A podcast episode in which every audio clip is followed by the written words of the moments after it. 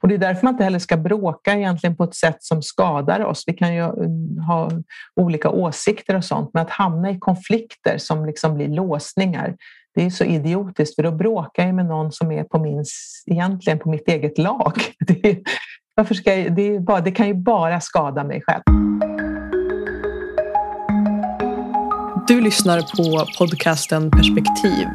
Intentionen med de här samtalen är att skapa ett samhälle av välmående och stärkta individer. Mitt namn är Madeleine Mofjärd och jag är här för att lyfta nya perspektiv. I veckans avsnitt möter jag relationsexperten Annika R Malmberg som hjälper människor att skapa fungerande relationer både privat och i yrkeslivet. Hur kan vi få det att funka trots våra olikheter? Annika är den första kvinnan i Sverige som uppnått den högsta utmärkelsen Diamond Speaker på världens mest omfattande system av talarrating. Hon har även utsetts till en av näringslivets superkommunikatörer av Resumé. Annika har tidigare setts i bland annat Framgångspodden där hon även är en del av Framgångsakademin med sin uppskattade kurs om att öka sin självinsikt och att få en nytändning. Idag möts vi för ett samtal om relationer, självinsikt och konflikthantering. Vi pratar bland annat om hur vi kan få våra relationer att fungera trots våra olikheter och varför din egen bruksanvisning är relevant för att skapa en välfungerande relation. Vi pratar också om hur du kan bli bättre på att ge och ta feedback och vikten av självinsikt för att förstå dig själv och andra bättre. Det här är ett samtal för dig som längtar efter att förstå dig själv och andra bättre för att kunna mötas i olikheter. Om du uppskattar det här samtalet så skulle det betyda allt för mig om du tog dig tiden att höra av dig och dela med dig av dina insikter och reflektioner. Eller posta det här avsnittet på din story och tagga mig så att fler får ta del av insikterna. Det ger mig en känsla av att samtalen är viktiga och att de verkligen bidrar. Så igen, tusen tack till dig som lyssnar och sprider det här vidare. Nu har det blivit dags att bjuda in Annika R Malmberg till samtalet. Hej och välkommen Annika R Malmberg till podden Perspektiv. Ja, men tack ska du ha. Mm, det är så kul att äntligen sitta här med dig idag. Jag har varit förväntansfull inför det här samtalet länge. Eh, och vi har också pratat om att göra det här ett ganska bra tag. Och nu sitter vi äntligen här så det känns fint och, och peppigt. Och jag känner mig nyfiken på att djupdyka med dig.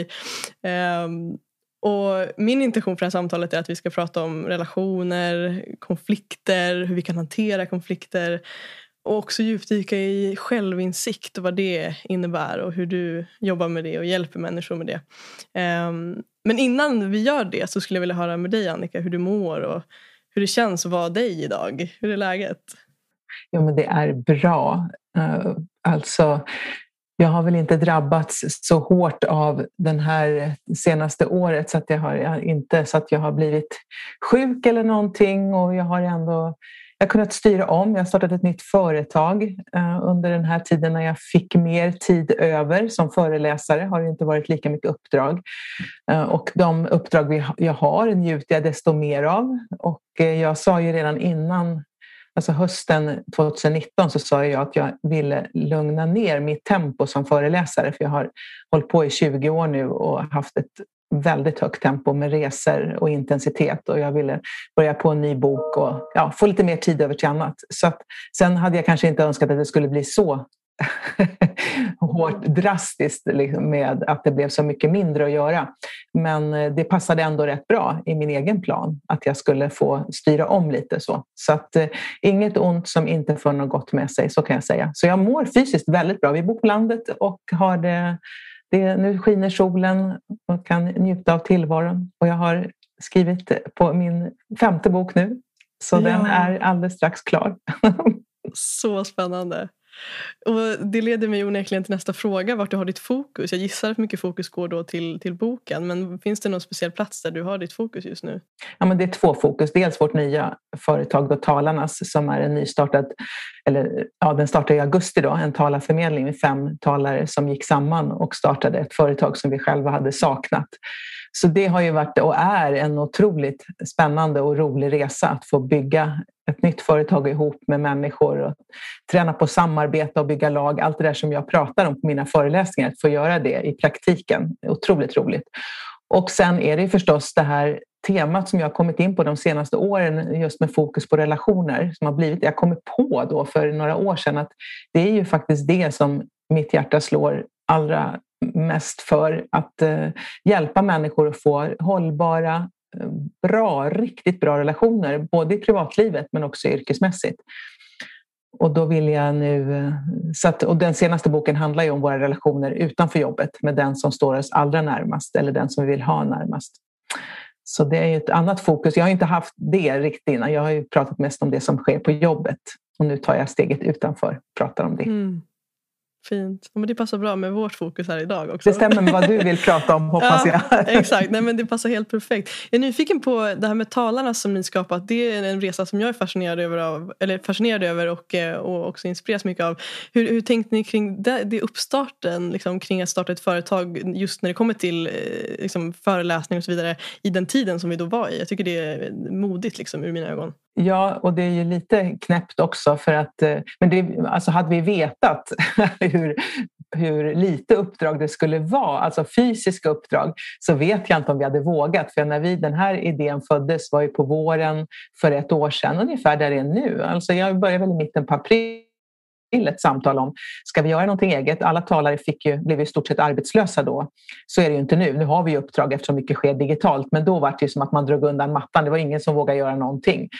Eh, och eh, vi famlade och så sa vi det att vi var flera stycken som hade saknat en talarförmedling som var på ett visst sätt som vi ville ha den, där man verkligen hjälptes åt och hade också ett gott syfte, gav pengar till välgörenhet och där det var transparent och alla visste hur, liksom, hur affärsmodellen såg ut och att det var rättvist och allting. Så det var något sånt företag vi ville starta. Och sen drog vi igång det i juni och vi trodde nog att ja, men i höst, då har det ju lättat. Då kommer ju corona vara borta eh, i alla fall. Det kommer ju ha blivit mycket bättre och ingen skulle väl kunna tro att om ett år, alltså, som den här våren, att vi fortfarande skulle vara så liksom, tvungna att jobba digitalt. Men så blev det ju. Fördelen är ju att världen ställde om, precis som vi gör nu, att vi sitter och poddar digitalt och det är ju väldigt många företag som har haft uppdrag som varit digitala föreläsningar. Så vi har ju kunnat absolut, vi har ju till och med gått med vinst i vårt bolag. Så det är ju fantastiskt roligt.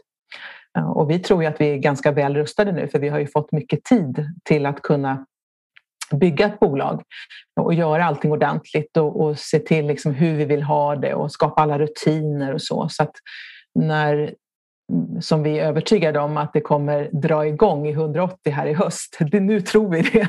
Ja. då är vi ju väldigt, då står vi redo.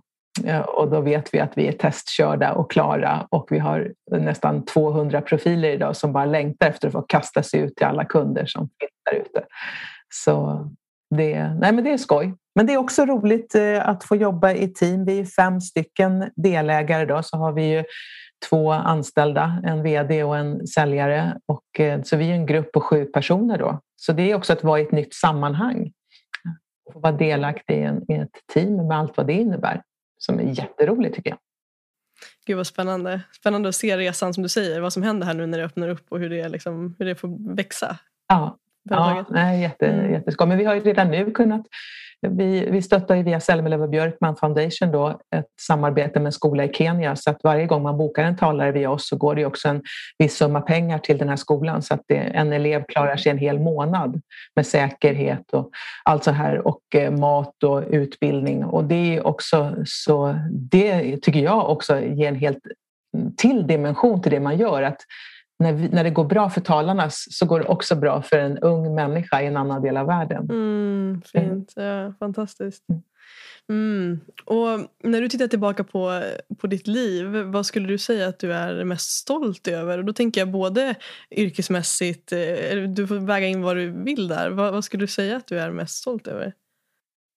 Um, ja, uh, jag, jag skulle nog säga att jag stolt. Ja, men alltså att jag är väldigt glad över att jag så tidigt insåg var jag hade min talang eh, och att jag inte slarvar bort den. Alltså jag skulle kunna sitta här med dig och tala om allt som jag inte är bra på, för det är ganska mycket. Men jag hade ju en sak att jag visste att jag var bra och tyckte om. Det brukar ofta hänga ihop det där, det man är bra på, och det man gillar. Men att uppträda, stå på scen, att eh, trollbinda en publik om man får använda det uttrycket. Men det har jag gjort sedan jag var barn. Uppträtt mycket och tyckte om alla såna roliga timmen i skolan och spela mycket spex och teater när jag pluggade i Uppsala. Och jag visste att jag trivs där framme på scenen och tycker väldigt mycket om att vara där. Och att jag då hittade ett jobb där jag fick utnyttja den här förmågan och sen att jag, fastän det då krävdes massa andra saker av mig, för jag började ju som säljare för väldigt många år sedan i ett utbildningsföretag så att det krävdes ju, jag fick inte bara stå där framme och jag hade inget att prata om, jag hade ingen kunskap då så jag var tvungen att bygga upp en story men att jag gjorde allt det där jobbiga också. Eh, och det ska jag nog säga, om jag ska säga vad jag är stolt över så är det att jag har jag har ett bra pannben när det gäller att bita ihop och göra det som måste göras.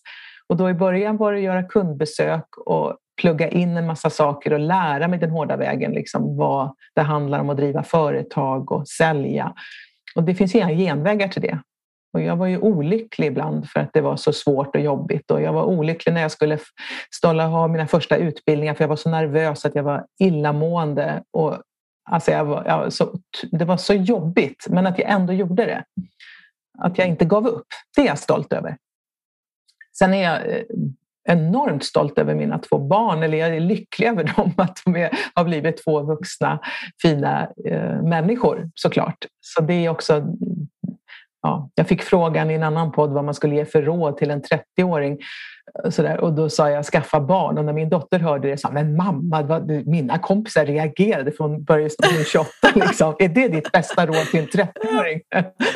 och då sa jag ja, men alltså, jag fattar ju. Jag tycker, liksom, det behöver inte ta ut varandra.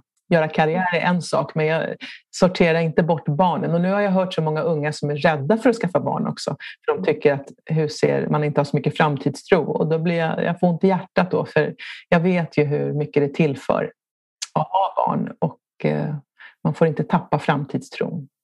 Men det är också spännande tänker jag om man liksom går på djupet till vart ifrån den rädslan kommer ifrån. Att vi är rädda för att skaffa, eller många unga är rädda för att skaffa barn. För att det känner du igen oss. det? Känner du igen nej, jag, nej jag, personligen så känner jag inte igen det. För jag har nog också en liksom, vald sanning om att jag inte behöver stoppa mitt liv för att jag får barn. Utan att jag, jag vill skapa liksom ett, en familj och ett, ett, liksom, en relation till mina barn där de får vara en del. Sen så förstår jag att jag kommer behöva anpassa mycket. Mm. Men att, eh, jag, Men jag att tänkte finns... mest om du är rädd för alltså, samhällsutvecklingen och miljön, att du inte vill sätta barn till den här världen. Så. Mm, just det. Eller har du hört det? Har du hört kompisar som pratar på det sättet? Eller har du ja, du tänkte ur den aspekten. Ja. Okej, okay, det, det, tänkte jag inte alls på i början. För det är så eh, som men, de resonerar ja. mer, att, det, tycker jag eller jag har hört från många som säger att ska mm. man, eller ja. Just det, men det är en annan vinkel, eller en spännande vinkel på det. Du har inte hört det? Det är inget som dina kompisar pratar om? Jag, eller? jag kan inte jättemycket, dock kan jag reflektera kring det att det finns ju någon så här, att precis när blir barn en, en egoistisk handling? Att som, precis som du säger, vi är på väg mot ett håll som kanske inte är så som vi skulle vilja se på, ur många aspekter. Um, så det, ja, det är en spännande fråga att ställa sig. Ja. Nej, men jag säger inte att alla resonerar så, men jag har hört det hos en del. Och eh, sen så tycker jag då att men, vi måste... Eh, det är så roligt att ha barn. Mm, ja. det, det tycker det jag över. att ja. inte man ska på något vis... Nej. Så det är också något jag är jätteglad över att jag har. Eh, och att jag kunde rodda det där fastän jag skilde mig och, och att vi kunde få ihop livet. Så att det har blivit två trygga individer idag som det går bra för. Fint. Ja. Och om man liksom går in då, jag tänker, för du har ju en del olika fokus eh, i, i, i ditt yrkesliv, i det du gör. Eh, men om vi fokuserar på när det kommer till just relationer, både i yrkeslivet men också privat. Eh, vad har varit din drivkraft till att göra det jobbet? Att inspirera människor, hjälpa människor till att skapa fungerande relationer. Eh, har det, finns det någon koppling till liksom, dina erfarenheter eller var skulle du säga att det kommer ifrån? Ja, intressant fråga. Jag, som, som jag inledde med att säga, det var inte, har inte varit så här, jag ska, att jag för 30 år sedan sa att jag ska jobba med relationer, för så var det absolut inte. Utan från början var det bara att jag vill stå på scen. Det var, det var drivkraften. Jag tycker det är kul att uppträda. Kan jag få ett jobb där jag kan få stå på scen och få showa och ha kul? Så, där. Ja, så det var så det började. Men sen eh, har jag, jag tycker jag om människor och är road och fascinerad över vad som hur vi människor är och också vad som, hur jag själv reagerar i olika situationer. Jag har fått lära mig i det yrke jag har då som handlar mycket om team och samarbete, personlig utveckling, så jag har fått lära mig mycket om människor och om mig själv såklart, vilket både är spännande och ibland väldigt jobbigt. Och det blir ju att jag då tittar på andra och ser hur de reagerar och, och jag, liksom vad som händer i mötet med människor och varför man ibland känner sig så fri och Eh, så väl till mots med vissa människor. Och du kan vara i ett annat sammanhang, antingen en viss människa eller i en grupp eller konstellation där du inte alls känner dig bekväm. Och vad beror det på? Jag är ju samma person. Vad är det som händer liksom, i mötet med vissa människor och inte med andra? Och, eh, och sen är det, om man pratar om ibland, om man ska ta reda på vilka, vad man har sina värderingar och vad som är viktigt i livet. Det kan ju vara lite, en del säger, det är jättesvårt att ta reda på. Ja, det är det ju, men egentligen kan man ju bara göra så här, se vad är det som gör dig riktigt arg? När blir du upprörd? Och jag har väl två saker där jag blir så här otroligt upprörd när jag faktiskt kan gå fram till människor och säga ifrån. Så där. Jag är inte någon satkärring i vanliga fall, men när jag kan bli det eller verkligen tänka så här. Det är ju när och det här ena är så sjukt, men det stämmer, när folk slänger skräp. Alltså, det här, alltså när folk stökar, liksom förstör i naturen och liksom fimpar på en strand där det finns barn eller du vet, inte tar hand om, eh, som slänger från McDonalds bara ut genom fönstret på en parkering när de åker ifrån. Alltså sådana saker. Jag kan bli Alltså det, det är galet arg. Och sen blir jag väldigt arg när man är dum mot någon. Alltså när någon, eh, såna barn är elaka på en skolgård. Jag kommer ihåg att där jag bodde förut så när jag gick till pendeltåget gick jag förbi en skola. Och då kunde det hända ibland att jag liksom gick över, gick in när jag såg att någon var dum på skolgården eller någon var ensam. Sådär. Alltså då kan jag släppa allt. Då, blir det, liksom, då vill jag gå in och ställa till rätta. Så. Och så vet jag ju då, så det, vet, det är två grundvärderingar hos mig som är väldigt, så här, de sitter rätt hårt. Då. Och eh, så vet jag att det är många människor som inte mår bra på sina arbetsplatser idag. Eh, och ändå när man frågar arbetsgivarna så säger de att ja, men det förekommer ingen mobbing här, det är ingen som är utfrusen. Det, vi har inte, det är väldigt sällan någon säger att det finns hos oss och ändå finns det massa människor som upplever att de inte är en del av gemenskapen eller har ont i magen på morgonen eller ont, söndagsångest. Och det har ju ofta att göra med, inte så mycket med arbetsuppgifterna utan mer med, många gånger med människorna som är där. Och det tycker jag är fruktansvärt. Och, och, många gånger så är det inte så att någon är medvetet elak, även om det finns några sådana, men det är personer ofta som inte mår så bra själva. Utan ofta är det en massa missförstånd som skapar de här det där gnisslet eller att man pratar förbi varandra. Det kan vara att jag tror att någon är jättearg på mig som egentligen inte är det. Och allt det där tycker jag att det vill jag gärna liksom jobba med för att hjälpa människor att inte ha konflikter eller gnissel med människor helt i onödan. Och om, man har, om det är inte är i onödan utan det behövs, att man gör det, hanterar konflikten på ett bra sätt. Då. Jag säger inte att man alltid ska vara överens, men att man ändå då kan ta tag i det på ett sätt som inte skadar utan hjälper oss så att vi kommer till rätta med problemet. Så det är nog mitt eh, varför, om man säger så. Mm. Yes, fint. Och skulle, vad ser du liksom för mönster i? Jag tänker, du har jobbat med det här i, i massvis av år och har en enorm erfarenhet när det kommer till relationer och teamutveckling och allt vad det är. Um, vad ser du för mönster i vad det är människor gör som gör att det går fel? Alltså, vad är det som är det, den största utmaningen som människor står inför i sina relationer? Ja, men dels tror jag det är att man inte har tydliga regler, att vi inte har pratat om hur vårt samarbete ska vara, vad som gäller, utan folk får skapa sina egna regler eller man har förväntan på vad vi ska göra och inte göra. Och det är klart att då kan jag, om jag har min bild i huvudet av hur det här samtalet ska gå till och hur vi ska vara mot varandra, du och jag, och du har en annan bild, då är det klart att vi kan bli jättearga på varandra fast båda, båda tycker att vi gör rätt. Och det gör vi utifrån vår egen, våra egna ramar och normer vad vi tycker är rätt. Men vi har liksom aldrig pratat om det här tillsammans. Och eh, så upplever jag många gånger att det är, att vi har inte tydliga spelregler. Och eh, om man, man kan göra en så här jättesimpel liknelse med om du spelar lagidrott och går ut och spelar en fotbollsmatch så har du ju, du vet liksom vad du får göra och inte göra. För gör du det där så blir du utvisad. Och du kanske blir jättesur, det blir de ju ofta när de hamnar på bänken. Liksom. Men de accepterar ju det för de fattar ju någonstans innerst inne att okej, okay, jag gjorde något som jag inte fick. Eller okej, okay, nu var det ändå någon som dömde och så får jag bara ta det här och så komma tillbaka. Men så tycker inte jag alltid det finns på arbetsplatser, tydliga spelregler i teamen eller ens i hela organisationen. Och då blir det väldigt svajigt för människor.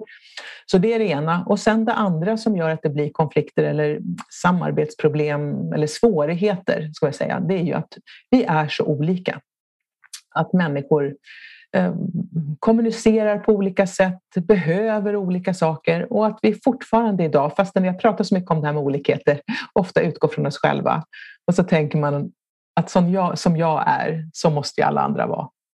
Och i, i all välmening så ger jag till andra det jag själv vill ha. Och det är inte alls säkert det som de behöver. Och så, så därför behöver vi prata om våra olikheter. Jag kommer aldrig sluta med det. så, att, Precis. så jag tror att det kan öppna upp en del dörrar som varit låsta om man plötsligt får se att jaha, jaha det är därför. Liksom. Så provar jag ändra lite grann så skruvar vi båda två lite grann på vårt sätt att möta varandra och plötsligt bara, oh, så klickar det, så gick det jättebra. Men det handlar om en respekt också för att människor ska få vara den de är men ändå visa hänsyn. Ingen ska behöva göra om sig själv men vi behöver ibland tänka på att alla inte är som jag. Mm. Precis, och det kräver ju verkligen en, en nyfikenhet. Jag tänker på det här eh, som du säger om att vi ofta ger det vi själva vill ha. Att det, det, är, så, det är så mycket enklare att göra det. Om jag tänker att jag ska ge dig, ge dig någonting, att det är så mycket enklare att utgå från att så här, men det här gillar jag, det här blir jag glad av. Uh, men att om vi tar det steget längre, att det krävs, det krävs ju någonting av mig för att kunna sätta mig in i ditt perspektiv. Vad, vad skulle Annika vilja ha i den här situationen? Ja. Uh, så det krävs ju ett ett större jobb med sig själv tänker jag för att vara villig att ens sätta sig in i en annan människas perspektiv och, och önskemål och behov och allt vad det är. Mm. Ja, det, det, här ordet som du använder mycket även i den här podden, perspektiv, det är precis det som, eh, ja, som krävs. Att vi eh, inser det, att jag ibland måste tänka hur, hur tänker du eller hur mm. resonerar du och stanna upp. Sen behöver jag inte alltid tycka som du men jag måste liksom på något vis våga gå över på den sidan, sätta på mig dina glasögon och se det från ditt håll. Och, eh, utan att döma då. Och det är svårt, det kräver träning. Men när man, när man gör det så, så blir det så mycket lättare att mötas. Om du visar att du sträcker ut handen mot mig, då blir det lättare för mig att sträcka ut min hand till dig också. Precis.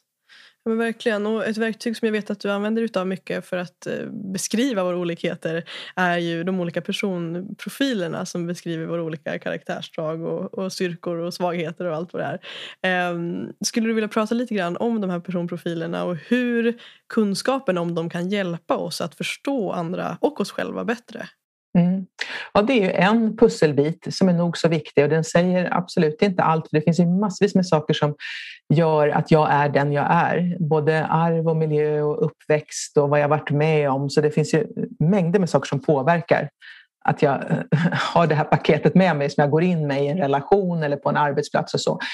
Men sen är det ju ändå vissa saker i vår personlighet som är då vår, man säger, vår personprofil eller våra temperament, tycker jag om att använda som uttryck. Och där finns det fyra grundtemperament och alla har de här fyra i sig. Så det är inte någon som saknar något temperament. Vi har tillgång till alla de här fyra sätten att vara på. Men det blir så tydligt när man är i en grupp, är med en person under en längre tid, antingen för att man lever med honom eller henne eller att man jobbar nära en viss person eller ute och reser med en kompis, som säkert många också gjort då. Att eh, man, när man är tillsammans på det här sättet så märker man att de har preferenser, de, har liksom, de väljer ibland att, eh, oftare att vara på ett visst sätt och det är mer naturligt för dem. Och eh, om man inte har förståelse för vilka preferenser som är dina starkaste och mina starkaste så kommer det bli krockar. Eh, och de här, jag har jobbat med verktyg som beskriver våra olikheter och hur vi använder de här temperamenten i, ja det blir ju hur många år är det? 25 år, 26 år är det faktiskt nu. Började 95 första gången och kom i kontakt med det här. Och så har jag bytt några olika verktyg och sen 2008 så jobbar jag med något som heter Insights Discovery som använder färger. Och de använder ju fyra grundfärger för att de är rätt etablerade de här färgerna, många känner igen dem. Och jag tycker också att det blir enklare att beskriva det visuellt på scen när man föreläser och när man pratar om det också. Eh, tyvärr har det blivit så att en del har ju pratat om färger på ett sätt som, som vi som jobbar med det här inte pratar om det. Ungefär, och många säger att man är en färg till exempel. Och jag förstår ju varför man säger så, för att jag är blå eller jag är, jag är, så, jag är röd. Men du är, det stämmer ju inte. Det finns ingen människa som är en färg. Så det är felaktigt att säga så. Du har ju alla fyra temperamenten i dig. Däremot har du kanske en eller två som är starkare och som du använder oftare. En annan felaktighet är att många pratar om färgerna som att om man har lite av en färg, som jag nu har minst av havsblått, som är den färgen som är min nummer fyra, liksom kommer på fjärde plats. Då är det en del som tror att jag inte kan vara analytisk och kritiskt granskande och ifrågasättande. Det kan jag visst, om jag anstränger mig. På samma sätt kan jag träffa en ung människa som har jättelite eldrött i sig, alltså det här målinriktade, drivande, det som liksom orädda, utmanande. Det kanske är deras svagaste färg, på samma sätt mig. Men det betyder inte att inte den personen kan ta sig fram i livet och tävla och sätta upp mål och sälja eller vad som helst eller gå in i en konflikt. Det kan de göra. Skillnaden är bara att de kommer bli tröttare när de gör de här sakerna som de har lite av. Så det betyder att en person som har väldigt lite eldrött i sig och ska ta ett jobbigt samtal med en kollega Alltså nu vill jag tala om för dig att du kan inte, jag känner mig utnyttjad eller när du gör så där så hamnar jag i kläm och jag måste säga det här. För om inte jag säger det här så kommer den här människan få liksom kliva över mig. Så när jag gör det så gör jag det för att jag måste, men jag mår dåligt efteråt. Men om man har mycket eldrött i sig så är man, tycker man inte det är läskigt att ta ett sådant samtal. Man kanske till och med tycker att det är lite kul för att se vad som händer. Och eh, det finns ju människor som har mycket havsblått, det som jag har lite av, som inte alls blir trötta av att sitta och felsöka eller liksom gå in i en text och leta efter liksom vad är det som inte stämmer här eller hitta den där eh, siffran som saknas. Och det, kan, det spelar ingen roll om de har suttit två, tre dygn, de fortsätter ändå.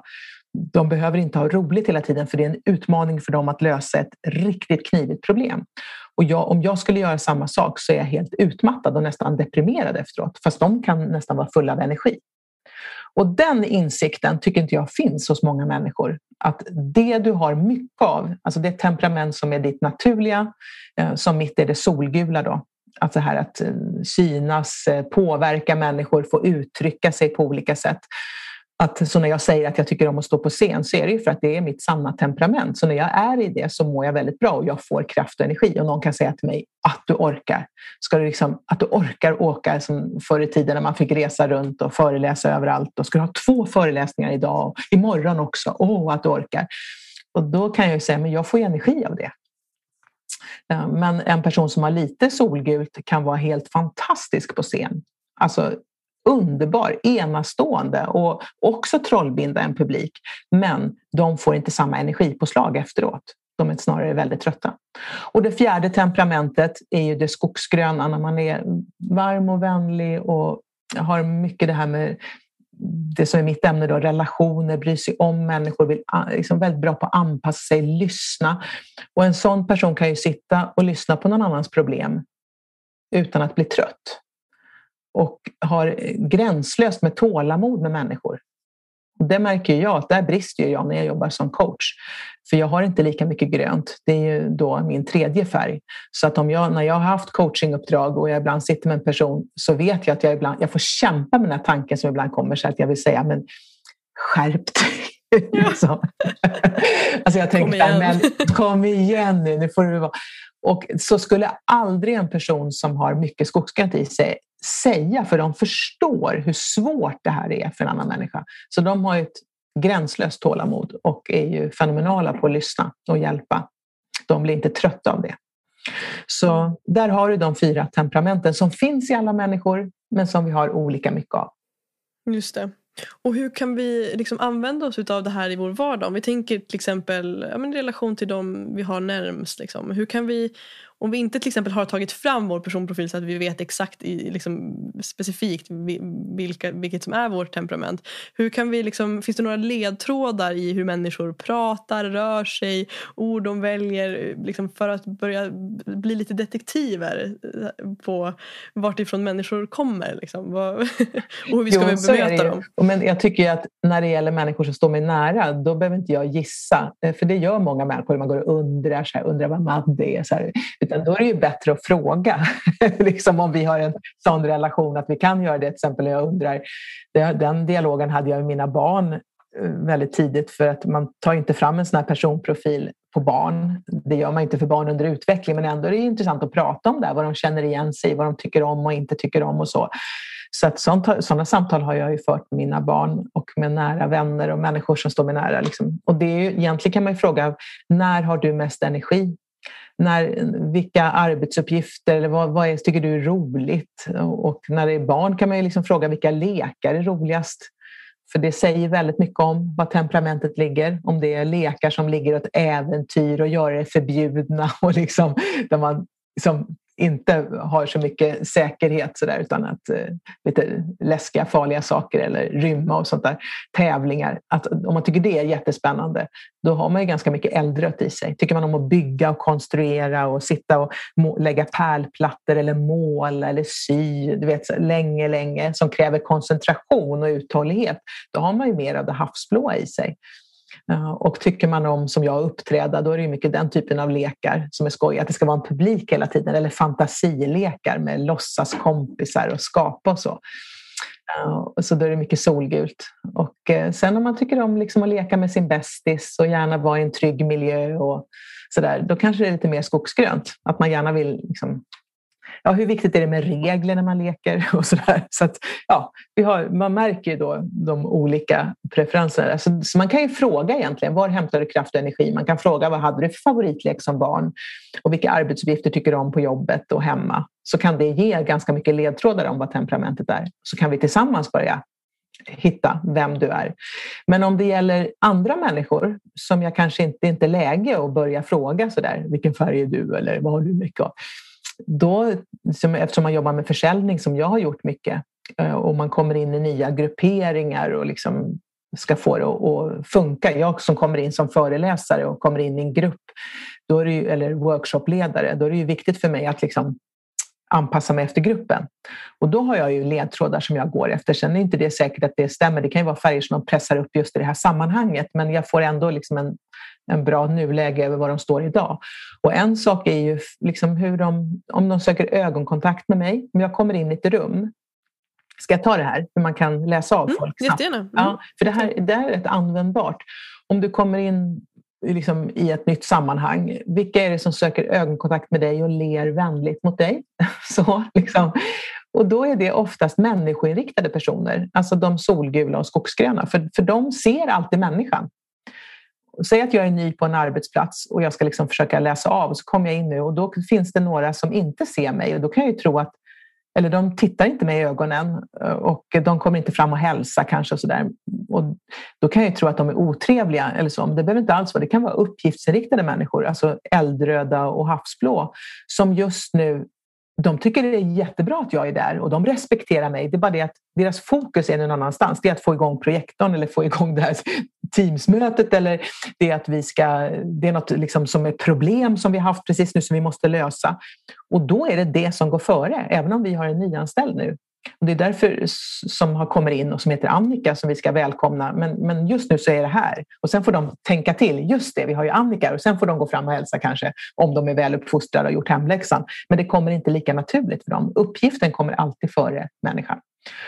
Och, eh, så där, bara en sån enkel sak kan man se. Och en solgul är ofta så här lite charmig, skojig, kanske den som tar initiativ och går fram. Hej, är du ny här? Eller ler mot mig och börjar berätta saker och kanske blir lite personlig och berättar någonting. Oj, berättar hon det här för mig? Vi känner ju inte varandra. Liksom. Hoppsan, det, var bara... det är oftast en, en person mycket solgult.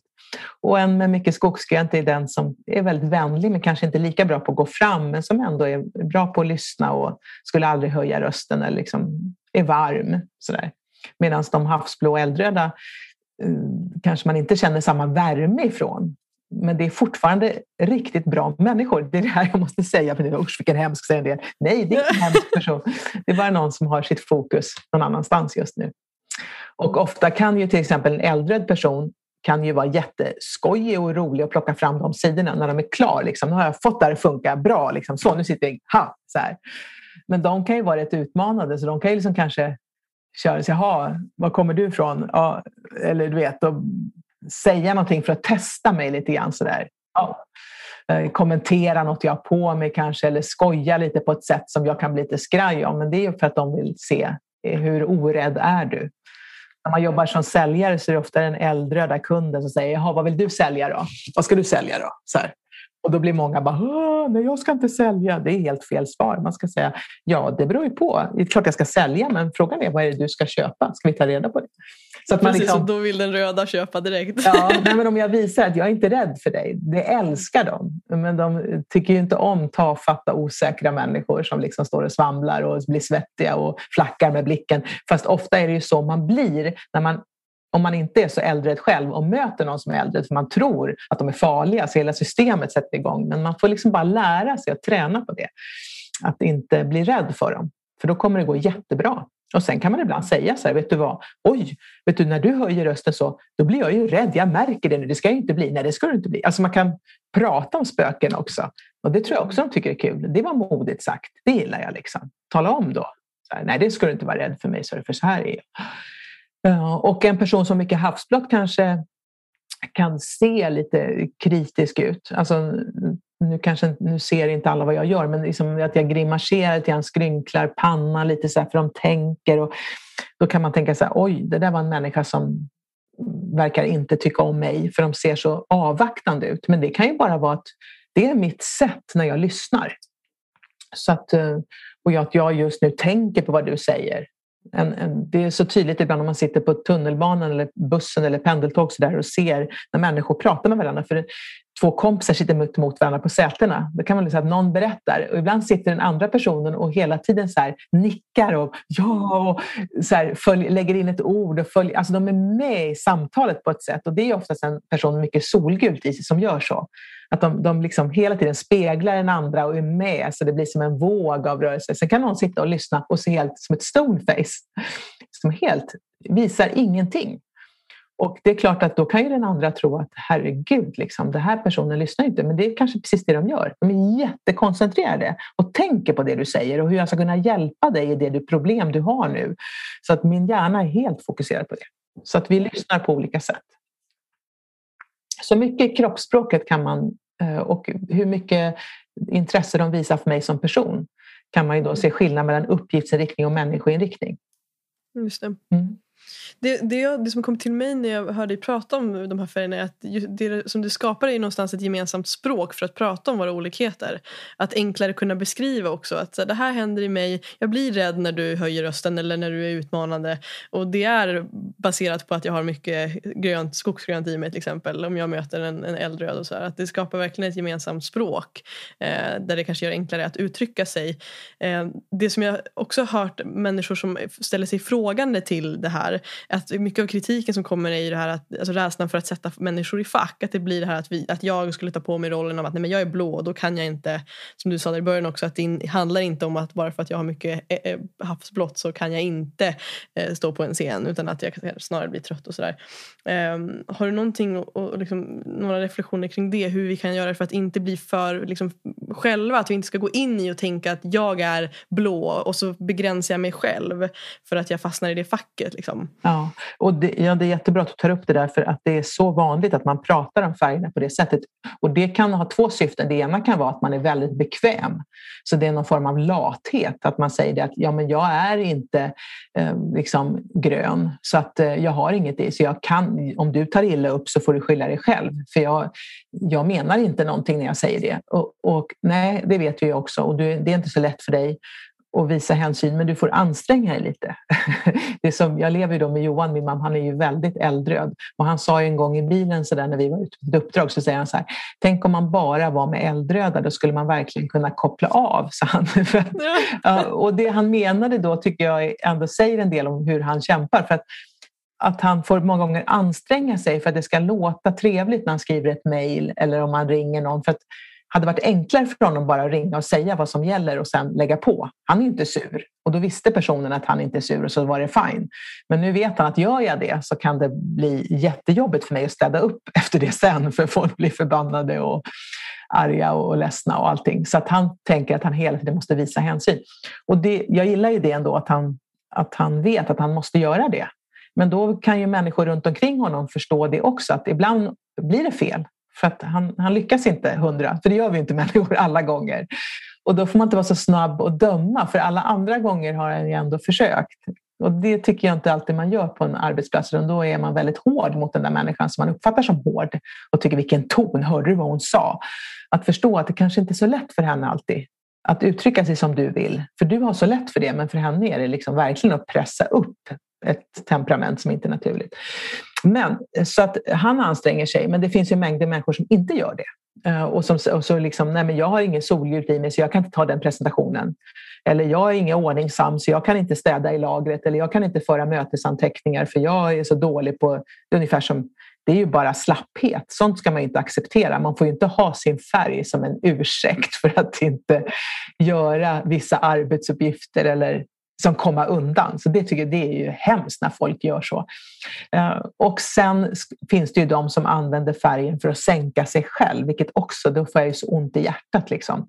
När de ser att ja, men jag är inget extrovert, alltså jag har så lite av det eldröda och, och solgula i mig så jag kommer aldrig kunna liksom få ett jobb eller ta, få en tjej eller kille. Liksom så här, för jag, kan, jag vågar inte dejta och jag vågar inte det och jag kan inte det och jag är urusel på att ta initiativ. Och allt vad de, en del pratar när jag möter unga människor. Som liksom, de är ganska introverta och blyga och så tar de det som liksom en intäkt på att de kommer aldrig lyckas i livet.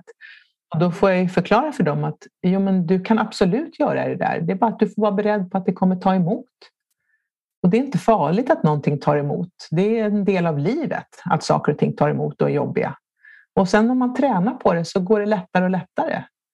Så att eh, det var ju som jag fick träna på att ta så jobbiga samtal när jag hade mitt första chefsjobb. Jag ville ju inte göra det, men sen fick jag och sen efter man har tagit det med andra olika personer i min grupp som jobbar som säljare då, som inte gjorde det de skulle och så där. Då fick jag ju prata med dem och sen upptäckte jag att när man hade gjort det, det, världen gick inte under. Det var inte så farligt. Eller ringa någon som man är lite besviken på, ta upp, prata med dem om vad som har hänt på ett möte. Och det, det är obehagligt men det går ju. Och så tränar man på de sakerna så blir det ju lite bättre. Och det är många som säger att jag, har, jag är inte alls lika blyg nu som jag var när jag var ung. Ja, nej, det, är, det går ju att träna. Men sen kanske det aldrig kommer vara det du älskar mest av allt, att gå in i ett rum där du inte känner någon. Det kommer aldrig vara nummer ett på din önskelista, men du kan göra det. Så det är väl också viktigt att känna till. Eller att någon säger att jag är inte ordningsam och så här, jag kan inte hålla tider. Jo, det kan du visst göra. Du, du kommer om du bara anstränger dig. Men vi är lite dåliga på att anstränga oss. Jag har skrivit en bok på det temat också som heter Tändvätska som handlar just om det här att hur viktigt det är för motivationen att också anstränga sig ibland och inte glömma bort det. Och det gäller ju även i sitt temperament och hur man är mot människor. Det är absolut nödvändigt att anstränga sig. Mm. Och när det kommer till våra närmsta relationer så en fråga som jag har tänkt på mycket på det sistone är liksom, vad, vad, är, vad skapar bäst förutsättningar för en fungerande relation? Är det att vi är så lika som möjligt eller är det att, att liksom olikheter, för många säger att olikheter är det som skapar passion till exempel. Eh, har jag hört många säga och att likheter dödar passion men att likheter kanske skapar ett, liksom, att det är enklare att samarbeta och så vidare. Vad har du för tankar kring, kring den frågan? Vad skapar bäst förutsättningar skulle du säga? Ja, mitt svar på det är det är självinsikt. Du var inne på det när du introducerade mig, då, men det ska jag säga, det är nog den absolut viktigaste förutsättningen eh, för alla typer av relationer. Att jag har någorlunda koll på vem jag är. Sen behöver inte allt vara städat och klart. Jag behöver liksom inte vara en fullständigt hel människa till hundra procent utan någon lik i garderoben eller inga spöken med mig. Ja, det tror jag inte finns. Utan, men jag ska veta vilka som är mina spöken och jag ska veta vad, vad någorlunda vad det är som triggar mig och vad det är, ja, som jag kanske har lite svårare för och så. Och att jag känner mig själv utifrån mina temperament, vad jag mår bra av och vad jag mår mindre bra av. Och, så. och ju mer jag har koll på det om mig själv, desto skönare människa blir jag att vara med. Eh, så att det är väl liksom sån där, eh, och då är det ju lättare för mig också att kanske se andra när jag vet vad som händer med mig i en relation och förstå samspelet på ett annat sätt. Och det är ju att vara med någon som är emotionellt omogen och som inte liksom ens är medveten om att de är det. Det är ju jättesvårt. För det, är som, du får inte någon, det blir så konstiga, ryckiga saker som händer och personen är helt omedveten om vad de gör.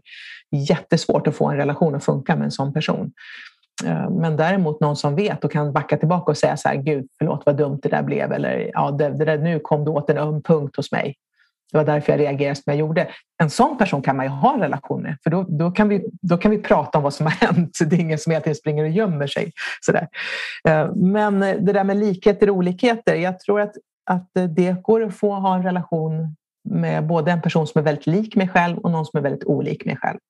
Så det, det är nog, även om en del hävdar att det måste, som du sa, att utan olikheter så finns det ingen spänning. Men det är ju, även om jag skulle då, som nu när jag lever med Johan som ändå är, jag har varit tillsammans med honom i, blir det, sedan 2007, det blir 13 år snart. Ja, 13 år nu.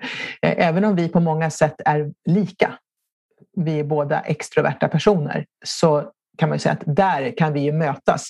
Men vi är ju ändå inte 100 procent lika. Det finns ju fortfarande väldigt många olikheter mellan oss som skapar det där intressanta, spännande och som gör att det, man blir nyfiken och vill... Ja, ibland blir man jättearg, men det finns ändå där. Och jag skulle inte vilja att han... Även om de sakerna som jag kan reta mig på hos honom så är det en del av honom som jag älskar. Så att jag har tänkt på det många gånger. Jag skulle inte vilja att de sakerna försvann heller, för det är en del av den han är. Eh, så jag tror inte att det går att hitta någon som är 100% lik dig, så du kommer få en spänning. Liksom så. Men sen är det som vi ser hela tiden är att människor har en tendens att dras, i alla fall i den första relationen, till någon som är ganska olik dem själv. Att det är på något vis som att naturen, jag vet inte om det är någonting i atmosfären som gör så att det finns någon högre makt som ser att den där Annika, hon borde nog hitta någon som var lite mer ordningsam eller modigare för mig då så här, kanske eller vad det är som jag behöver som kompletterar mig och så dras jag till den personen. Och den personen kanske dras till någon som behöver ännu lite mer livsglädje och spontanitet, om det nu är det så först. Jag fick ett jättefint mejl idag av en man som heter Magnus. Vi hade gjort ett inlägg på LinkedIn om hur man får ett äktenskap att hålla. Och det, det, är mitt rekordinlägg. Jag har aldrig fått så många, 20 000, ja, nästan 21 000 visningar på det inlägget. Det är helt galet. Eh, och kommentarer och allting. Väldigt högt engagemang på en sån fråga. Och då har jag uppmanat folk att skriva mejl eller i kommentarsfältet. Och han skrev till mig så här att han eh, har varit gift tillsammans med samma person i 50 år nu. Och eh, han hade en lång lista, han var ingenjör så han hade, han hade mejlat sin, sin lista på punkter som han, det här ska finnas. Men han sa så här att jag vet att en av anledningarna till att det har gått så bra för oss är för att min hustru hon är sjuksköterska och hon har varit så bra på att vi ska ta hand om varandra. Hon har lärt mig så mycket om hur man får en relation att vara hållbar. Och det var fint att han kunde se det. Hon har säkert lärt sig jättemycket av honom i hans temperament, men han har väl lärt sig liksom mer att man måste bry sig om varandra. Och så skrev han det som sist, någonstans, man får aldrig glömma bort vad det var som gjorde de där fjärilarna i magen. Och det här är ju rätt roligt för att han har ändå varit tillsammans med samma kvinna i 50 år. Men det skrev han på sin punktlista. Glöm aldrig vad som skapade fjärilarna i magen i början om du kommer ihåg det så kommer relationen hålla. Det är väldigt viktigt. Mm. Jättefint. Ja, gud, och det tänker jag hänger ihop så mycket med det här att inte börja ta varandra för givet. Att Nej. direkt vi går in i det så har vi någonstans förlorat det kanske. Ja, men den mm. känslan liksom när vi sågs första gången, första dejten, man börjar tänka på det och så då, då börjar man, alltså det är också ett arbete att komma tillbaka till de känslorna när det är svårt och tungt. Att just det. Mm. Så, nej, så jag tror att det går att få det att funka med vem som helst. Men om jag då ska få det att funka med någon som är min motsats. Så till en början dras vi till varandra. Det blir som magnetism och det är spännande och fascinerande och liksom intressant. Men sen efter ett tag så kan det bli jobbigt för att personen alltid väljer att göra precis tvärt vad jag skulle vilja göra. Och vi hämtar kraft och energi på olika sätt. Och ska det då funka, då måste det finnas den här respekten och förståelsen för att vi är olika och att vi inte kan göra om varandra. Finns inte den, då kommer det ju braka Eh, ihop. Då kommer det inte funka. Nej. Mm. Jag tänker att nästa steg utifrån det du nu säger är ju då också att kunna uttrycka till sin partner vad vi faktiskt behöver. Alltså vad behöver jag som kanske skiljer sig från det du behöver. Eh, och där har jag hört dig prata i olika sammanhang om vikten av att ge, liksom, dels veta sin egen bruksanvisning men också att ge den till sin partner. Eh, så jag är nyfiken på att höra dig berätta lite mer om det, hur du tänker kring det eh, för de lyssnarna som inte hört dig prata om det tidigare. Och också så, för att ta det steget längre, vilka frågor kan vi ställa oss själva för att ta reda på hur ser min bruksanvisning ut och vad behöver min partner veta om mig för att kunna köra mig på bästa sätt. Min user guide. Ja, exakt. Ja, nej, men det är väldigt bra. Det funkar. Jag har, jag har märkt att uh, det har inte varit någon som inte kan använda det där verktyget. Så uh, det funkar både i privata relationer och i ett team, i en grupp. När man kommer ny som chef kan man använda det också. När man kommer till en ny grupp. Så här funkar jag som chef och sen på sikt får jag ta in hur ni funkar så ni får berätta det för mig. Men i en relation så är det ju, då är det ju egentligen, om jag ska titta på mig själv först om jag ska ta reda på hur min bruksanvisning ser ut. Och sen är det ju samma frågor som jag ska be att min partner svarar på. Så jag måste ju vara lika intresserad av att lyssna på min partners bruksanvisning som är att berätta om min egen. För där är en del, de vill gärna prata om sig själv och sen bara Åh! För, för du måste ju också anpassa dig åt andra hållet. Det är inte bara att alla andra ska anpassa sig efter dig. Eh, men det, är ju, det man börjar med det är ju att vem är jag? Alltså, och det är ju en jättesvår fråga att svara på såklart, omfattande och komplex. Men då kan man väl göra det lite enklare för sig än bara tänka så här. Var hämtar jag kraft och energi någonstans utifrån de här temperamenten? Att kunna liksom rannsaka sig själv vad är det för, liksom, vilka färger har jag troligtvis mest av och minst av? Och jag kanske också har varit på en föreläsning eller tagit fram min personprofil. Då är det ju lätt att prata utifrån färgerna. Man behöver inte använda sig av färgerna om man inte vill det, men bara man kan liksom beskriva att jag är nog målinriktad och drivande. Och då ska jag ha belägg för det, att jag vet det. Liksom, för att hela mitt liv ser ut så. Jag tävlar hela tiden och jag driver på mig själv rätt hårt. Så, så att det säger någonting som jag tror någon annan vill höra. Jag ska liksom veta att det stämmer. Eller kunna säga att jag är rätt jag är, liksom, är eftertänksam och jag vet det, att jag tar inte beslut så snabbt. Jag vill tänka igenom saker och ting. Jag, det vet jag ju från min, liksom mitt liv och min uppväxt. Så att jag är förankrad i vad jag säger. Den är ju viktig. Då. Så det ska man, det första, beskriv dig själv utifrån temperamenten. Sen det andra, det är att man ska säga vad har jag för styrkor utifrån det här? Och det är jättebra att kunna tala om i en relation att det här Ja, jag kan nog säga att det här kommer jag vara rätt bra på när jag vet att jag är bra på det i vår relation. Alltså jag tycker att det här är vad jag bidrar med i vår, vårt team på två personer om vi nu varit tillsammans ett tag. Eh, och Ehm, och sen kan jag också säga så här, vad, vad, vet jag att jag är mindre bra på? För det är också rätt härligt att höra sin partner berätta att det där som jag irriterar han är medveten om det. Alltså, att det är inte bara spöken här, utan det är någonting som han också ser. Och, och, han kan också få säga, eller hon, vem det nu är, som jag, hen som jag lever med, men att den personen får också berätta att det här är jag mindre bra på, jag jobbar på det. Det är rätt bra att kunna säga det. Jag vet att det här är en och sen kanske jag också kan säga att det här är jag inte bra på och vet du vad, jag tror aldrig jag kommer bli bra på det. Och jag kanske inte ens orkar bli bra på det. Att man får ha något sånt också. Att jag har insett att det här, jag kommer komma, dra det kortaste strået här. Jag har inte lust att bli bra på det här. Så att om inte det är ett jätteproblem för dig måste liksom det vara en issue. Liksom. Så att eh, man kan ha rätt att faktiskt få ha en frizon. Att det här, du kanske är jättebra på det, jag är inte det. Kan inte du göra det istället då? Eller måste jag anstränga mig också där? Så att man pratar styrkor och svagheter helt enkelt. Och sen när man pratar bruksanvisning, att man talar om så här, det här tycker jag om. Eh, det här tycker jag inte om. Alltså när vi, om vi ska leva ihop och det här tycker jag om när du gör, jag uppskattar det här jättemycket. Eh, och det kan ju vara, alltså bara tänk, fundera på vad är det jag verkligen tycker om hos min partner när han eller hon gör? Och finns det någonting som jag inte tycker så mycket om? Och då kan jag ju säga till min man, jag tycker inte om när du börjar dagen med att vara arg på ja, vem han nu blir arg på, någon journalist eller någon politiker eller någon, någonting som han har läst i tidningen eller sitter med sin padda och läser eller telefon så här. Och så kan han börja morgonen med att skälla. Liksom. Och jag tycker inte om det. Men han är ju eldröd, så att han, han vaknar ju till av det. ja. och, men för mig är det som att jag börjar på fel sida på dagen. Eh, så att, då får jag säga det. Eh, att jag vill inte ha de samtalen på morgonen, det första. Jag kan ha det sen, när vi har liksom, men inte, det vill inte tanka den negativa energin. Så. Men för honom är det inte att tanka negativ energi. Så jag kan inte döma honom, men vi är olika här. Så då kan man tala om vad är det du gör som jag ibland mår dåligt av eller inte uppskattar eller inte tycker om. Då. Och det är bra för min partner att få reda på. Och sen kommer den viktigaste frågan av alla. Att ställa sig själv och sen ställa sin partner. Och det är det här, alltså, om jag ställer den till mig själv, vad behöver jag och vad behöver jag inte? Och det behöver jag ju tala om för dig om vi ska leva ihop. Då. Det här behöver jag och det här behöver jag inte. Så jag kanske behöver en kram varje dag. Och någon annan säger, jag behöver inte en kram varje dag. Mm. Det är för mycket. nej, men det kan ju, nej, vem behöver inte en kram varje dag? Men alltså, det kan ju ibland vara att det blir för mycket. Du, pysslar, du behöver inte pyssla om mig så mycket som du gör.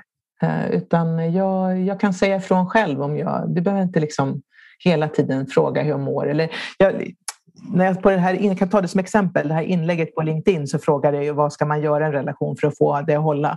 Och då var det någon som sa så här att man ska, man ska visa intresse för varandra. Ja, det håller jag med om. Och så kom det upp som ett exempel. Man ska gärna eh, liksom jag frågar alltid min man om han har spelat tennis, här, kommer hem, så här, hur gick det i matchen? Och, eller om han spelar golf, hur gick det? Funkade spelet? Liksom. Eh, och, eh, och, så, och då tänker jag så här, det är ju jättebra, men vill din man att du ska ställa de frågorna? För någon kanske tänker, varför ska jag berätta det för dig? Alltså det, för du vet inte ens, du kan inget om golf. Eller varför ska du vet, ställ inte frågan bara för vad... Alltså det, vi kan prata om någonting annat, men det behöver vi inte prata om. Det var någon annan som sa så jag brukar alltid säga till min partner när hon har tränat att hon var duktig för hon har tränat. Liksom. För alla behöver en high five ibland. Liksom, så man liksom, men det är inte säkert alla vill höra att de varit duktiga när de tränar för de tycker själva inte de är duktiga. Så du behöver liksom inte ge mig en high five när jag gör något som bara är självklart för mig.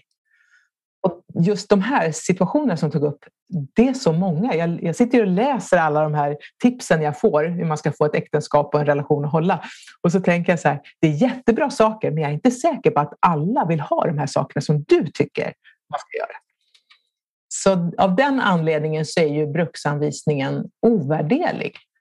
För att eh, risken är ju då att om jag ger dig något, jag, jag ger dig en high five när du gjort något som jag tycker är bra.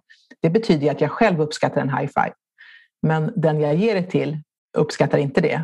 Och den personen kommer aldrig ge mig det jag vill ha. Och då står vi där och jag, min partner blir irriterad och jag blir olycklig för jag får aldrig någon uppmärksamhet. Så snacka om att man kan verkligen köra en relation i botten om man inte har koll på liksom, vad är det egentligen den andra vill ha. Mm. Jag tänker också att det finns ju någonting, precis verkligen en vinning i att, jäm, alltså, att också gå på djupet med vad vi menar. För om jag sitter här med min lista på 20 punkter, inte bruksanvisningen då utan bara mina värderingar kring det här tror jag är viktigt för en relation. Eh, och en värdering då kanske är det att visa nyfikenhet till exempel. Och så tar jag upp det med min partner och han säger, eller hon säger ja, eh, jag håller med om det. Och sen så visar det sig om fem år att mitt sätt att visa nyfikenhet på är någonting som blir katastrof för min partner. Eh, för att min partner visar visar nyfikenhet på ett helt annat sätt. Eller hade velat ta emot min nyfikenhet på ett annat sätt. Det blir också spännande att bryta ner det. Vad är det vi menar när vi säger de här sakerna? Att inte bara ge exempel då. Ja, att, och vad menar du?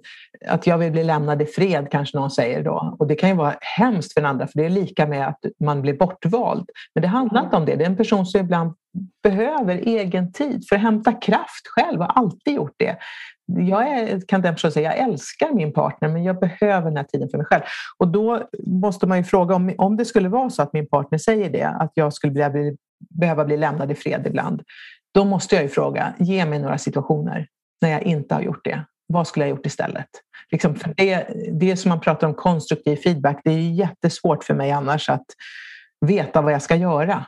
För det är troligtvis något som ligger så långt ifrån mig och som jag själv inte behöver. Så du måste hjälpa mig här. Och, eh, så det här med att ge varandra sin bruksanvisning hänger ju väldigt nära ihop med att också kunna ge varandra feedback på vad som är bra och som inte är bra. Och liksom kunna belöna ett bra beteende och säga så här, nu, nu gjorde du det där som jag tycker, blir så himla glad över. Som jag tycker jättemycket om att göra saker ihop med min man, alltså när vi tränar ihop. Och han har så många andra saker just nu som är viktiga. Så att, men igår när vi var ute och cyklade i fyra timmar, kan jag säga det så här, vad glad jag blir att vi gjorde det här ihop. Alltså, direkt feedback på att nu var du liksom schysst mot mig. Det här tycker jag är så himla kul när vi gör det här tillsammans. När vi är på upptäcktsfärd ihop med cyklarna och mountainbike i Sörmland. Liksom. Så, mm. mm. så man också talar om vad är det som jag uppskattar. En del tänker sådana här saker men säger det inte. Men att veta att man kanske också behöver tala om det. Precis, det är ju viktigt påminnelse för jag tänker att det är ofta vi, vi, blir, vi är bättre på att ge feedback kanske i vissa fall. Eller bättre ja. på att komma med kritik än, än att uttrycka det vi faktiskt gillar och tycker om. Ja. Och sen eh, så, eh, det var också jag har skrivit om i boken också, att det här att man ska då eh, har ju läst mycket om vad det är som gör att relationer håller det här att man ska visa respekt för varandra när någon berättar någonting. Och då tog, hade jag precis läst jättemycket om det där och så kommer Johan hem, han har varit på, med, hos veterinären med våra två hundar. Och eh, då, jag var så inne i det där så att jag liksom rusade ner för trappan. Så här, Hej, hur gick det? Vad, vad sa veterinären? Liksom. Och sen hade han handlat mat så jag tog matkassarna bara ut dem i köket och packade in allting och ställde jättemånga frågor. Och, så, och sen skulle vi äta lunch lite senare då och så när vi sitter till lunch, då berättar jag om det här som jag skriver om nu, om hur viktigt det är att vända sig mot varandra och vara intresserad. Och så säger Jaha, var det därför du kom rännande så där ner? Han trodde det hade hänt någonting. Alltså, yeah. så att, det kanske inte var vad han behövde då, att jag kom så där som en raket och ställde tusen frågor. Men ibland, eh, så att man får ju alltid säga vad, vad är det min partner behöver då? Han, han kanske inte behöver de där, alla de där frågorna. Precis. Nej, den är en viktig påminnelse. och jag tänker vi pratar lite grann om det här med feedback och att ge, ge, ja, men ge feedback till sin partner. Um, Förutsatt att vi också kommer ihåg då att uttrycka det vi gillar. Men, men om vi ska fokusera på feedback-delen av det hela. Eh, har du några sådär tips eller ja, någonting att skicka med lyssnarna kring när det kommer till att ge, både ge och att ta emot feedback? För jag tänker att det finns, det, det är så ofta som feedback kommer ut på eh, ett lite för, kanske för hårt sätt. Eller att det, eh, och också igen att jag säger det kanske utifrån vilket temperament jag har. Eh, så hur påverkar eh, vårt vår förmåga att ta emot feedback och ge feedback. Eh, hur påverkas det av våra, våra temperament också? Hur hänger det ihop? Liksom? Jättemycket. Eh, och det här är också det, det höll på att bli, alltså det kapitlet i boken är ju det svåraste att skriva för det är så mycket att skriva där. Jag har ju också skrivit en bok redan som heter Ta skit, gör det till guld som handlar just om feedback men det är mer allmänt hur man tar kritik från kunder och kollegor och allt möjligt. Men jag vill ju få med det här i boken eftersom jag vet att det här är något som jag själv är väldigt dålig på och har jobbat mycket med. Och jag kan väl säga att jag, jag, är bra när jag, när jag tänker på det, men när jag är helt omedveten så går jag också in gör fel hela tiden. Så att vi slarvar väldigt mycket här. Här måste man verkligen anstränga sig för att det ska bli rätt. Men det, om man tänker på, om man börjar med när man själv får kritik, man kan börja med att ta ansvar för sig själv. Eh, och alla har inte gått kursen i hur man ska ge kritik och troligtvis kommer min partner göra fel eftersom jag själv gör fel då också. Och då är det bara vissa grundregler och det är att inte... Alltså, du vill ju försvara dig för det är jobbigt och obehagligt och det är här jag får säga hela tiden till människor. Jag säger så här, varför är det så svårt? Varför är vi så dåliga på att ta kritik generellt? För att det gör ont. Det är ett hot mot vår bild av oss själva och det är en omedveten reflex jag har ju fått lära mig att det heter eliminator. Man eliminerar, tar bort olusten. Som en olust, ett obehag som skapas när någon kritiserar mig och den bild jag har av mig själv. Det är mitt ego som får sig en rätt så här, smäll. Och vi är enormt känsliga vårt ego. Så då kickar alla försvarsmekanismerna igång och det här sker ju av sig själv. Alla människor funkar så, så det är inte något man behöver skämmas för. Det är därför det blir bråk eftersom när du säger någonting till mig om vi är, du är min partner som triggar mitt ego, då försvarar jag mig och då försvarar jag mig antingen med en förklaring som i min partners öron låter helt idiotisk för han vet det var inte så, så nu ljuger du. Är du med? Då triggas han av det. Eller så kanske jag attackerar honom och säger, men du då? Hur vore det om du gav mig förutsättningar? Du är ju inte ens hemma. Jag får ta hand om allting. Och så blir det liksom en clash. Det är en attack som försvar. Och då sätter jag igång min partners eh, försvarsmekanismer och så, börjar vi, så är bråket igång. Så det är ju en, en liten enkel korrigering, någon som liksom kommer med en, i all välmening, ett litet tips kan resultera i att vi blir så osams. Alltså det här är ju så vanligt i alla relationer. Eh, och, eh, så det, egentligen, det kommer bli fel, även om man läser alla böcker som jag har skrivit och andra har skrivit om det här så kommer vi göra fel. Men det jag tror att de som, eh, de som överlever som par och blir starkare av det här, det är de som ser vad som händer och kan backa och sen liksom skapa fred. Liksom förstå att nu, nu gick det överstyr liksom, och att det finns en, en grund där form av vänskap och ett, en förtrolighet. Att det finns liksom det att bygga på för då, då är det lättare att bli sams igen. Men om det inte finns så mycket förtrolighet och jag inte litar på dig längre och det finns massa saker som du har gjort som gör att ditt förtroendekapital hos mig har sjunkit i botten, då är det mycket, mycket svårare att skapa fred för mig och min man, vi kan bråka och vi bråkade igår också faktiskt eh, när vi satt i bilen ut på den här MTB-utflykten. Mm. jag tyckte det tog för lång tid innan vi fick börja cykla. Och då säger han till slut så här, ja men om du ska hålla på och sura så där så tänker jag aldrig mer följa med dig ut. Liksom. Ja du hör, på den nivån, som två små mm. barn. Liksom. men en sån, liksom, det är ett gnissel som blir då, jag blir jättesur och tittar ut genom fönstret. Så där. Eh, och sen går det över väldigt snabbt för i grund och botten så är vi ju, ja, vi älskar varandra och det är jättebra. Liksom. Så att, men det är klart att sånt där händer även i alla relationer. Men som sagt, finns inte grundtryggheten är det svårare. Men därför ska jag säga att när du får kritik så är det ju viktigt då att du som person vet vad som händer med dig. Då kommer vi tillbaka till det här med självinsikt. Att jag förstår varför pulsen liksom ökar nu och varför jag blir röd om kinderna och för det hettar till och brinner till här uppe. Att det är helt normalt.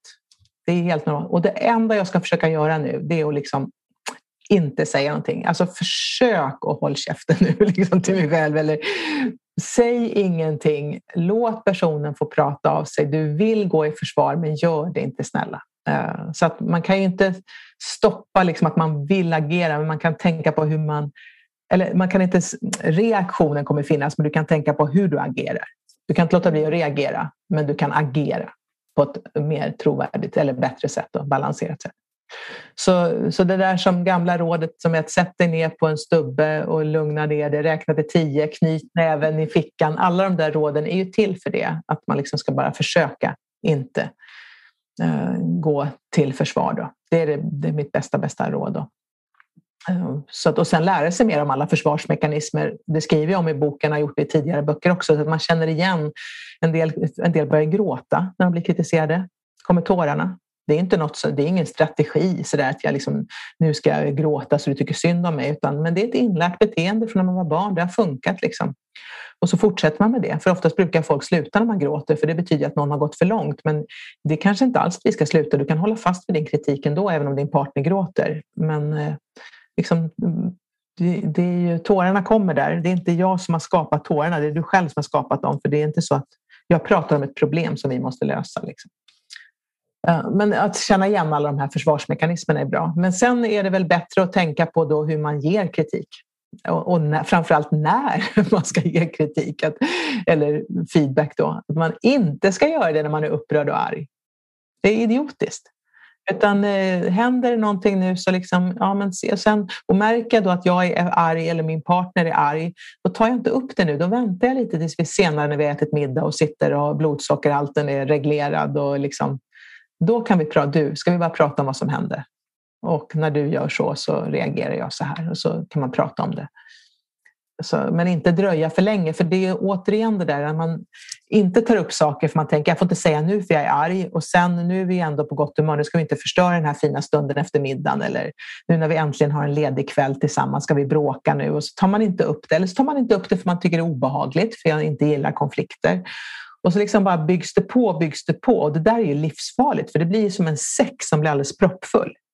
Och sen blir det igen, sen är det något som får bägaren att rinna över som händer då. Nu är det hundrade gånger som vi gör det där som jag liksom inte gillar och jag har inte tagit upp.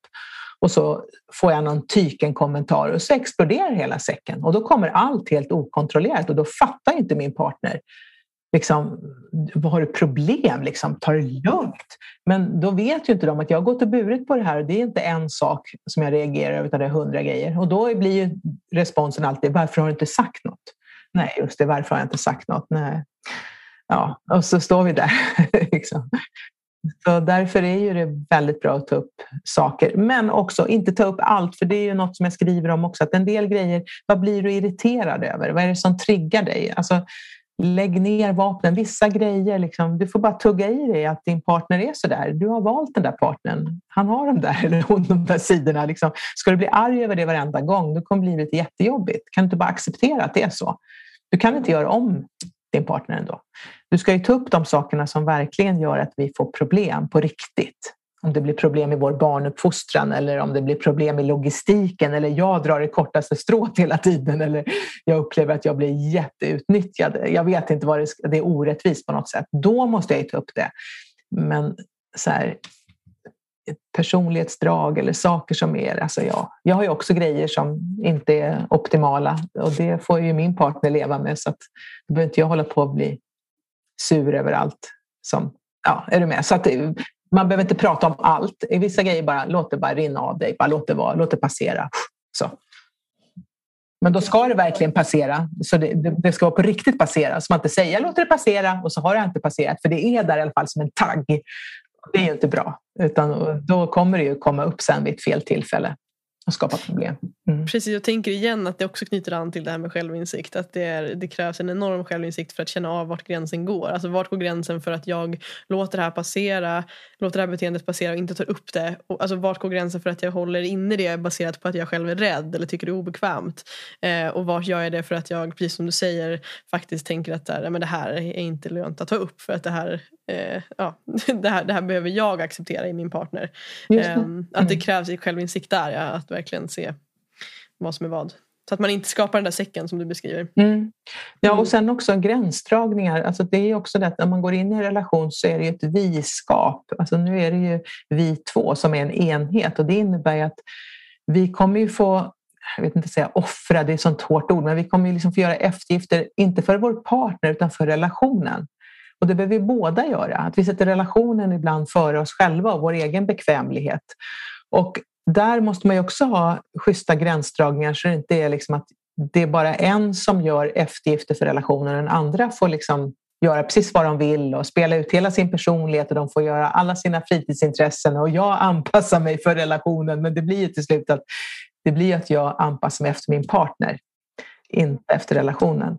Så, men om jag upplever att min partner ibland också gör eftergifter för vår relation, vi båda två ibland säger ja men då om du vill det, ja, men så här att det blir bättre för oss båda om vi gör så här.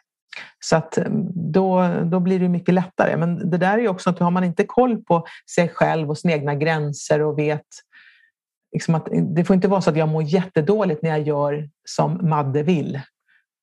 För att då tycker jag att då utplånar jag mig själv. Det är en människa som är väldigt otrygg som resonerar så. Uh, liksom, som hela tiden ska hålla på sig och sitt och, och så.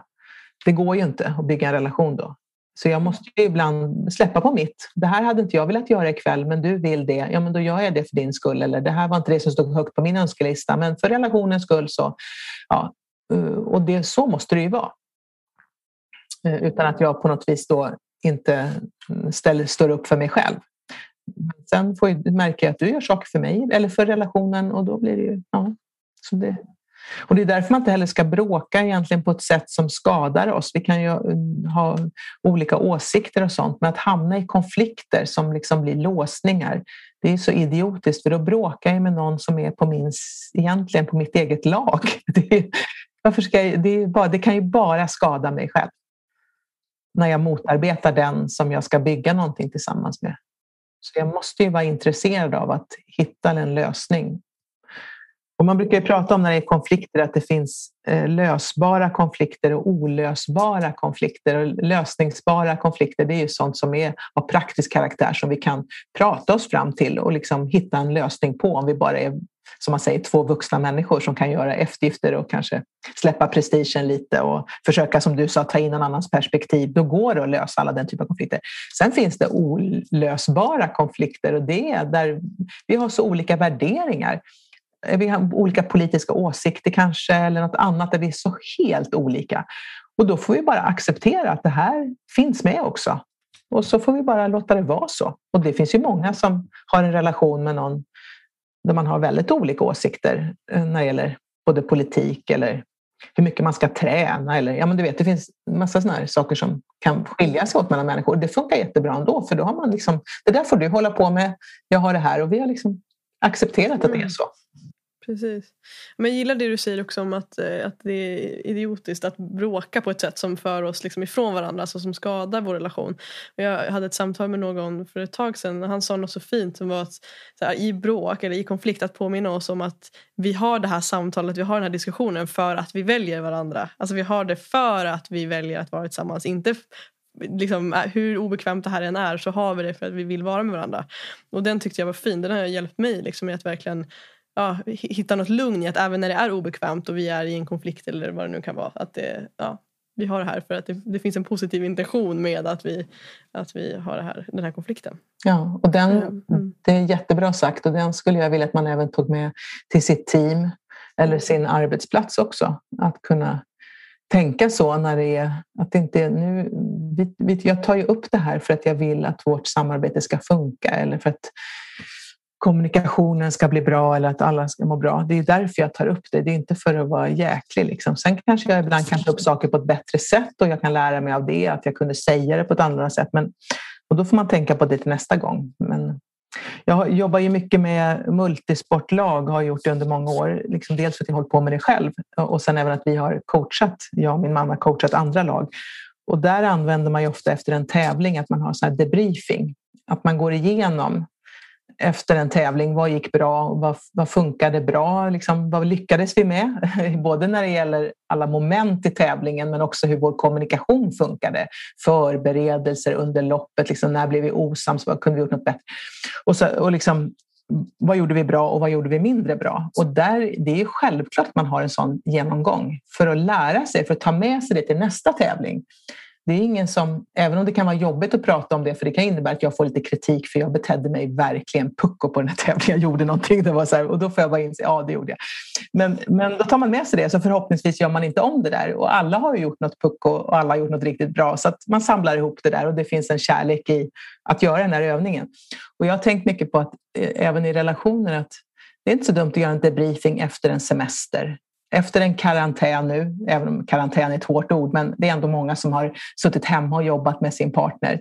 Vad var det som funkar bra? Vad var vi duktiga på nu? Och då var vi urusla. Vi var, du var urusel på det där. Jag var, alltså, för det var säkert ja, med tålamod och vem som gjorde vad hemma. Och så, liksom, så kan vi kanske nästa gång vi hamnar i en sån här situation så har vi lärt oss någonting. Och ett julfirande till exempel är väl också jättebra. Nu har ju julen varit lite knasig här det senaste året, men en normal jul. Liksom. Hur var den här julen? Vad ska vi, ska vi göra om det på nästa samma? Nej, inte nej. nej. ja, men verkligen. Att inte man hela tiden bara upprepar samma misstag hela tiden. Eller det här följ. Jag tänkte mycket på när barnen var små, man hade födelsedagskalas. Och, eh, liksom, att man kunde också tillsammans med dem. Jag hade en son som var ganska, eller är ganska introvert då, men han ville ju ha stora kalas och han liksom ville att alla kompisar skulle komma för han är också väldigt så här kompisinriktad. Men sen om man är sex år och ska ha ett riddarkalas med 25 ungar då blir det ju bråk och folk har svärd och alla slåss om olika saker och då blir han jättefrustrerad för att det blev och sen att man, nu är det inte så lätt att prata med en sexåring, men liksom att man som förälder också kan fundera på hur ska, ska vi ha sådana här kalas? Liksom, vi kanske ska göra det på ett annat sätt. Hela mm. tiden utvärdera. Vad var bra? Vad var mindre bra? Och så ta med sig det till nästa gång. Det kan man göra mm. massa saker hemma. Och kan man involvera barnen i de där samtalen så är det ju eh, väldigt bra på ett lugnt sätt så de också lär sig reflektera över att ja, kanske inte blev så bra. Alltså, ja. Precis, ja. ja verkligen. Och för att knyta ihop den här säcken som vi befinner oss i nu i det här samtalet. en trevlig säck. ja, det är en trevlig säck vi är i. Um, så tänkte jag höra, har du, om vi, du skulle få dela liksom tre stycken, eh, ja, men kalla det nycklar till fungerande relationer. Um, vad skulle de tre då vara? Du har ju delat väldigt mycket jättefantastiska tips men om man skulle liksom, ja, tre snabba typ. ja men då, kanske vi hade sagt redan men den här tycker jag ändå är så så viktig då att man har det första som jag vill säga som det är att man har ett gemensamt, någonting som förenar oss som är eh, ett gemensamt, man pratar om gemensamt mål för team är en otroligt viktig del för att det ska finnas ett engagemang och en motivation att fortsätta tillsammans. Och till en början är det ju kärleken, attraktionen som för oss samman så då tänker man inte så mycket på något annat. Men, och sen kanske det är så att det blir att man ska bilda familj eller ha en lägenhet eller flytta ihop eller kanske få barn. Då finns det ju sådana saker.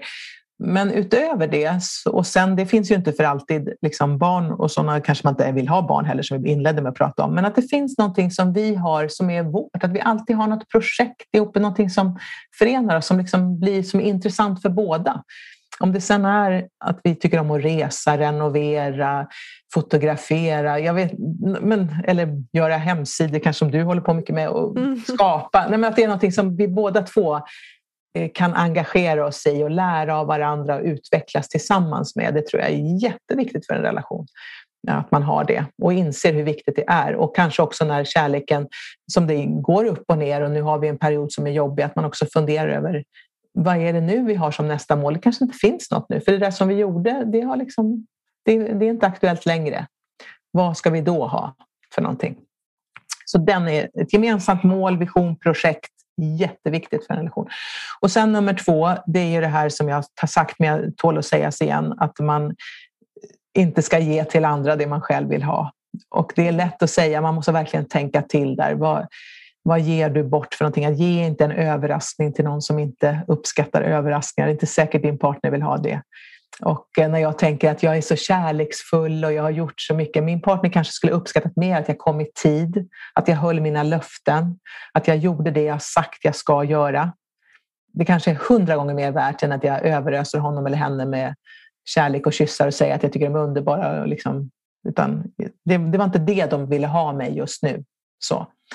Eh, och eh, sen eh, det tredje då, det, vad ska vi ta då för någonting som jag skulle vilja plocka ut nu av alla de sakerna som jag har med. Vi har ju pratat om en hel del också. Mm. Jag, jag tycker mycket på den här med respekten. Att mm, visa respekt för varandra. Och det handlar ju om dels att vi är olika men också vanlig, vanligt hyfs. Eh, att det, ibland pratar människor med sin partner på ett sätt som de inte skulle prata med någon annan. Vilken ton! Liksom. Alltså, skulle du prata som eh, en kund eller någon på jobbet? Eller, liksom, nej, att tänka sig för. Hur uttrycker du egentligen? För ord kan såra och det kan liksom, om du pratar på det sättet, det blir som en ond spiral. Då pratar jag tillbaka och sen har vi plötsligt tappat respekten. Och det var, någon skrev till mig så här, att man behöver inte sitta med toadörren öppen när man gör nummer två. Bara för att man, alltså, man, kan, man, behöver inte liksom, man kan ta hand om sin kropp, det var någon som skrev också. Det är respekt liksom inte bara släppa allt för nu har jag en partner. Liksom. Ungefär som att nu är det inte värt att anstränga sig mer. Samtidigt kan jag tycka att det är lite skönt ibland att man får gå med håret på ända och kan hasa runt i ett par mjukisbyxor utan att det att liksom, det är också att kunna vara trygg i en relation, men inte att det är så hela tiden. Det finns en respekt där också. Eh, för att eh, det är en person som är viktig och då ska jag behandla honom eller henne på det sättet också. Mm. Den tror jag att man kan komma väldigt långt med. Mm. Mm. Fina tips. Och för de som vill djupdyka ännu mer och ta del mer av, av din kunskap, dina böcker eller komma i kontakt med dig, vart kan de eh, nå dig? Ja, de två kanalerna där jag är mest aktiv det är ju Instagram och LinkedIn. Och Annika R Malmberg på Instagram. Och på LinkedIn där jag är väldigt aktiv nu då, med mycket inlägg. Där kan man också gå, om man vill, tanka hem gamla artiklar och läsa mycket så här, och få checklistor och tips. Det ligger ganska mycket där. kan man gå in på mina inlägg och artiklar och sånt. Och mycket typ såna här blogginlägg där och mycket tips. Så man kan gå bakåt för den som vill ösa ut mycket kunskap. Eh, så det är på LinkedIn. Annika R Malmberg Hamilton heter jag på LinkedIn. Så, sen har jag en hemsida, Annika R Malmberg, kan man också hitta. Där finns ju länkar direkt till Youtube. Det finns mycket klipp där på eh, eh filmer som jag har gjort. Uh, som du har varit med och gjort några också. Mm. Hade, så finns där. har vår historia. så du har jobbat med mig och tagit fram mm. material mm. så det finns ju där. Så att, uh, allt, och länkar till andra poddar och sånt. Så allt sånt finns på min hemsida. Så man får jättegärna adda mig på LinkedIn och skriva en hälsning att man lyssnat på det här. Och då blir jag väldigt glad. Mm. Fint. Och Annika, om du fick nå hela världen i 30 sekunder, vad skulle du då vilja förmedla? jag hörde, jag, vad heter det, Sara Larsson fick den frågan på en podd hon var med i och då hade hon skrivit så här, då ska jag skriva så här, köp min nya skiva. det är bra, det är bra. Det Helt var liksom väldigt skönt. Eh, så då ska jag säga så här, köp min nya bok om relationer. Uh, ja, det skulle väl vara ett, nej, men jag skulle vilja säga så här att uh, jag tycker att det viktigaste jag kan säga till alla det är det att lär dig mer om hur du skiljer dig från andra. Och, alltså i form av temperament. Och, och eh, visa respekt och ödmjukhet inför dem du har runt omkring dig. Alltså, om man kunde göra det och anpassa sig och mötas på halva vägen då skulle vi ha en mycket härligare plats att leva på. Mm. Yes. Och finns det någon fråga som jag inte har ställt dig som du skulle vilja att jag ställde dig nu? Nej, jag tycker vi har pratat om uh, väldigt... Du skulle kunna fråga då, när kommer boken? Skulle du kunna fråga? Ja. och den kommer nog, det, nu är den hos min redaktör på Mondial förlag, Simon Brauer, så han håller på nu och uh, kommer ge mig massa feedback så att jag ska skriva om. Så att beroende på hur mycket feedback jag får så kommer den väl ja, hur tidigt, efter sommaren någon gång. Mm. Mm. Då ska vi göra sista justeringen och allting. Ja. Fint. Mm. Ja, men du får jättegärna dela, även nu så kommer ju avsnittet släppas innan det, men du får jättegärna dela när boken är ute. Så Absolut. Kan jag dela du ska få ett igen. eget ex såklart. Mm, ja. Tack, vad fint. Tusen tack Annika för den här, vad blev det, nästan en och en halv, halv timmen. Ja. Um, det har varit superfint att få ta del av alla dina, dina tips och tricks och all din kunskap. Så tack för din tid. Tack så jättemycket. Hej då. Tack till dig som har varit med och lyssnat på det här samtalet. Jag känner mig levande när jag får ta del av dina reflektioner, insikter och tankar. Det skulle betyda allt för mig om du delade med dig till mig på sociala medier. Skriv till mig eller posta på din story så låter vi den här konversationen att fortsätta. Längtar du efter en plats för att möta fler som längtar efter att leva modigt och autentiskt? Välkommen att joina mig i Facebook-communityn och connecta med flera av lyssnarna till den här podden. Du hittar länken i beskrivningen till det här avsnittet. Ta hand om dig nu så hörs vi nästa gång.